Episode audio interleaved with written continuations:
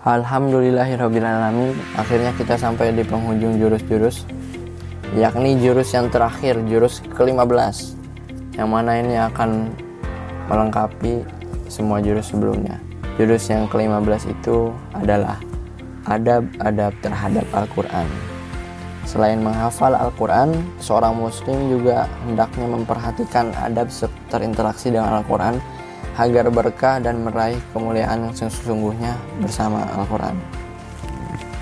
Jadi eh, kadang ada beberapa penghafal yang dia tuh ngafalnya tuh nggak pakai adab. Dan akhirnya ada beberapa juga yang susah dipersulit atau bagaimana. Tetapi nggak sedikit juga yang dipermudah atau biasa aja. Tetapi kita juga nggak boleh tenang-tenang aja kalau itu biasa aja bisa jadi itu adalah istidraj kawan-kawan tahu kan istidraj uh, oke okay, di antara adab terhadap Al-Quran yang pertama yakni memperhatikan niat ketika membaca dan menghafal. Nah ini seperti persiapan yang awal. Nah yang kedua ini sebaiknya bersiwak atau membersihkan mulut sebelum membaca Al-Quran. Yang ketiga yaitu membaca ta'awuz di permulaan bacaan. Yang keempat senantiasa membaca Al-Quran. Yang kelima tidak membaca atau menghafal Al-Quran ketika dilanda kantuk berat. Nah ini yang sebelumnya ya kawan-kawan. Kalau lagi ngantuk itu jangan dipaksain baca apalagi menghafal. Kalau ngantuknya banget, kalau setelah berbagai cara dilakukan masih ngantuk juga berarti jangan dilanjutkan. Kemudian yang keenam yakni tidak membaca di tempat yang kotor. Misalnya uh, kita jangan membaca di pasar ataupun di tempat-tempat kotor.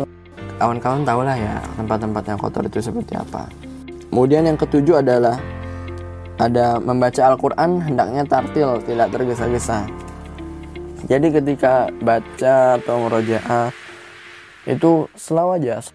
Jadi Jangan terburu-buru, takutnya dikhawatirkan ada beberapa bacaan yang tidak terbaca, entah itu panjang pendeknya ataupun tajwidnya. Nah, kemudian juga yang kedelapan adalah menyaringkan bacaan Al-Quran. Uh, di sini niatnya karena kita suaranya keras, nggak terlalu keras tapi ya, itu mudah-mudahan bisa menjadi pahala bagi orang yang mendengarnya dan juga bisa menjadi hidayah pun bagi orang yang mendengarnya juga. Yang kesembilan yakni memperindah suara atau bacaan ketika membaca. Nah, ini salah satu cara agar orang-orang tertarik untuk hafal Quran. E, kadang kawan-kawan mungkin merasakan, misalnya ikut sholat jamaah di kota dan di kampung, itu agak beda. E, biasanya kalau di kota itu mereka bacaannya bagus-bagus, imamnya benar-benar top banget lah jadi eh, orang-orang uh, tuh sholat di masjid itu tenang gitu nggak kepikiran dunia luar atau bagaimana. Kalau di kampung itu entah itu ada yang imamnya bapak-bapak kakek-kakek yang suaranya kadang apa nggak nggak kedengeran atau habis gitu kan. Uh, saya juga sebagai anak muda yang kala itu jadi makmum tuh agak kasihan juga. Maksud saya udah tua kok maksudnya apa nggak ada yang mau gantiin gitu? Atau emang si bapaknya nggak mau maksudnya dengan membaca Al-Quran tadi kalau dengan peluang untuk memberi jalan pada orang sekitar tuh lebih tinggi daripada sekedar menyaringkan bacaan saja tanpa ada irama Kemudian yang ke-10 yaitu disunahkan sujud jika membaca ayat-ayat sajadah. Entah itu ketika sholat ataupun ketika duduk biasa. Tetapi ini hanya dilakukan jika kondisinya memungkinkan. Misalnya lagi duduk, lantainya bersih atau bagaimana, nah itu disunahkan sujud ketika membaca ayat-ayat sajadah. Tetapi ketika kondisinya nggak memungkinkan, misalnya lagi di pasar, atau gimana kan lagi ngedengerin murotal gitu contohnya nah itu jangan nah kemudian yang ke sebelas ada meletakkan mushaf Al-Quran di tempat yang tinggi uh, ada beberapa ustadz yang bilang minimal itu di atas uh, kemaluan.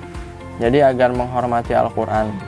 Kadang ada beberapa orang yang masih meletakkan Al-Quran itu di bawah sejajar dengan kaki. Nah yang ke-12 berusaha memahami Al-Quran. Dengan apa? dengan tadi dengan membaca terjemahnya dengan membaca tafsirnya terus mentadaburi ayatnya mengikuti kajian-kajian Islam kajian-kajian tafsir. Itu yang ke-12.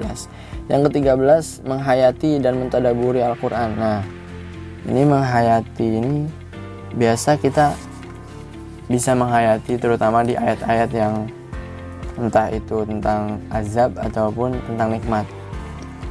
Uh, ada beberapa rekomend ayat yang mungkin bisa kawan-kawan jadikan referensi untuk bisa dihayati dengan benar maksudnya menjadi jalan agar selanjutnya bisa menghayati ayat-ayat lainnya.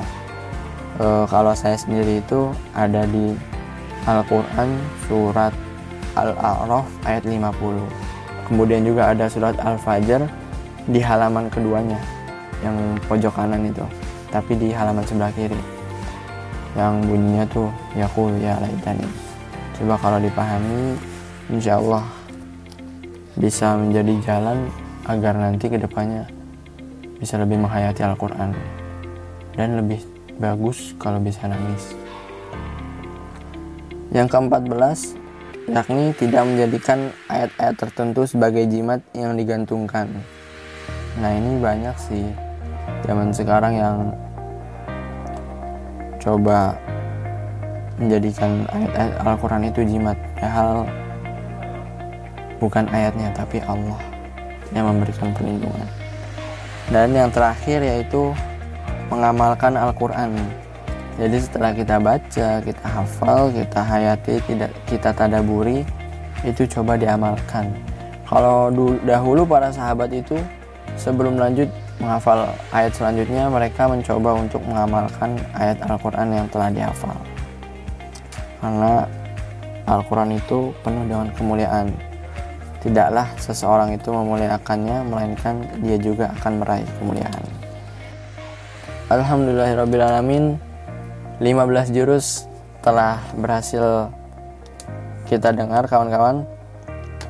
Oke kita akan lanjut ke sesi selanjutnya ya ini 5 titik kunci. Terima kasih. Eits, jangan ke mana-mana dulu kawan-kawan kita masih ada bab tambahan alias ini biasa terjadi bagi para penghafal Al-Quran sebelumnya atau yang udah pernah ngafal bab ini namanya restorasi hafalan. Tahu kan merestor? Ya, memulihkan. Jadi uh, ada beberapa orang, termasuk saya dulu pernah, itu sempat yang namanya itu nggak murojaah atau nggak ngafal lagi karena beberapa hal.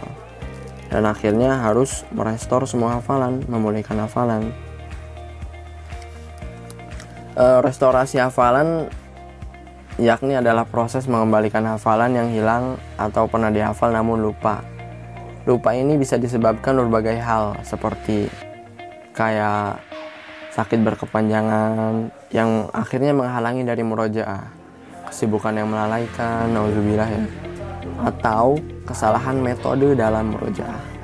Agar mudah memulihkan hafalan, salah satu kuncinya adalah dengan mengaplikasikan metode yang sebelumnya sudah saya sampaikan. Terapkan semua jurus-jurus yang telah dijelaskan sebelumnya, karena tidak ada satupun manusia tahu apa yang akan terjadi di masa depan. Apakah ia sakit berkepanjangan atau kejadian lain yang akhirnya menghalangi dari murojaah. Jika hafalannya buruk, jangan harap bisa memulihkan hafalan dengan cepat. Oleh karenanya, bersungguh-sungguh mengikuti proses sejak awal dari sebuah metode menghafal tidak dapat ditawar-tawar lagi. Hafalan yang mungkin hanya diperoleh jika setiap tahap-tahapnya diikuti dengan baik. Uh, sebelumnya kawan-kawan harus tahu nih ada beberapa tingkatan ingatan dalam menghafal Al-Quran. Yang pertama namanya Mumtazul Hifz. Artinya hafalannya itu sudah sangat bagus dan kuat atau mungkin. Levelnya ini udah mampu memvisualisasikan hafalan dengan baik. Seperti penguasaan urut ayat dan surah dengan frekuensi murajaah yang konsisten. Jadi dia ini udah top banget ya. Yang kedua yaitu ahsanul hifz artinya hafalannya sudah bagus dan mudah untuk di, di jadi yang ini levelnya di bawah yang tadi. Masih mending karena hafalannya bagus dan nanti ketika ingin memulihkan hafalan itu nggak terlalu sulit. Mudah untuk di murojaah nah yang ketiga yakni suul hifz. Arti artinya hafalannya itu masih lemah dan mudah hilang karena metodenya keliru dalam menghafal atau karena sebab lain. E, biasanya sih biasanya karena contoh banyaknya itu dari orang-orang yang pengen hafal cepet. Misalnya satu atau dua bulan hafal. Itu sebenarnya sih agak meragukan sih ya. Karena yang terpenting bukan hafalnya cepet, yang penting itu adalah hafalannya mungkin bagus dan mudah di murojaah jadi ketika murojaah itu atau ketika memulihkan hafalan itu gak terlalu lama waktunya semuanya kalau memulihkan hafalan itu jangan setengah-setengah langsung semuanya pernah dihafal agar agar bisa berkelanjutan ketika murojaah nanti nah adapun untuk kategori yang pertama dan kedua itu mudah untuk nanti memulihkan hafalan. Tetapi bagi yang suul hifz itu akan sulit mengembalikan hafalan yang hilang karena ibaratnya dia tidak memiliki hafalan. Biasanya sih karena metodenya yang keliru. Nah ini harus hati-hati makanya. Lebih baik kita mengulang satu lembar sehari namun rutin daripada 10 juz sehari tapi cuma sekali-sekali aja. Misalnya sebulan sekali. Nah ini ini nggak benar karena nanti pasti kaget di sinilah tadi pentingnya menghafal dan merojaah dengan teknik dan jurus yang baik sehingga jika hafalan telah kokoh dalam keadaan apa pun terutama jika terjebak dalam keadaan yang menyulitkan murojaah kita tetap hafal dan jika merasa samar-samar akan mudah diingat kembali. Nah seperti tadi yang telah saya sampaikan ketika hafalannya lancar dan dapat divisualisasikan dengan baik maka nanti kita pas memulihkan hafalan itu nggak terlalu sulit. Karena kita nggak tahu ke depannya apakah kita mungkin nanti akan tiba-tiba sakit berkepanjangan atau mungkin koma kayak di film-film atau mungkin kecelakaan atau mungkin lupa ingatan dan sebagainya banyak hal-hal yang tidak kita ketahui saat ini yang mungkin akan terjadi di masa depan. Ada baiknya kita menghafal dengan metode yang baik yang mana bisa memudahkan kita dalam mengurojaah nantinya. Nah, inilah bab memulihkan hafalan. Kenapa saya taruh terakhir?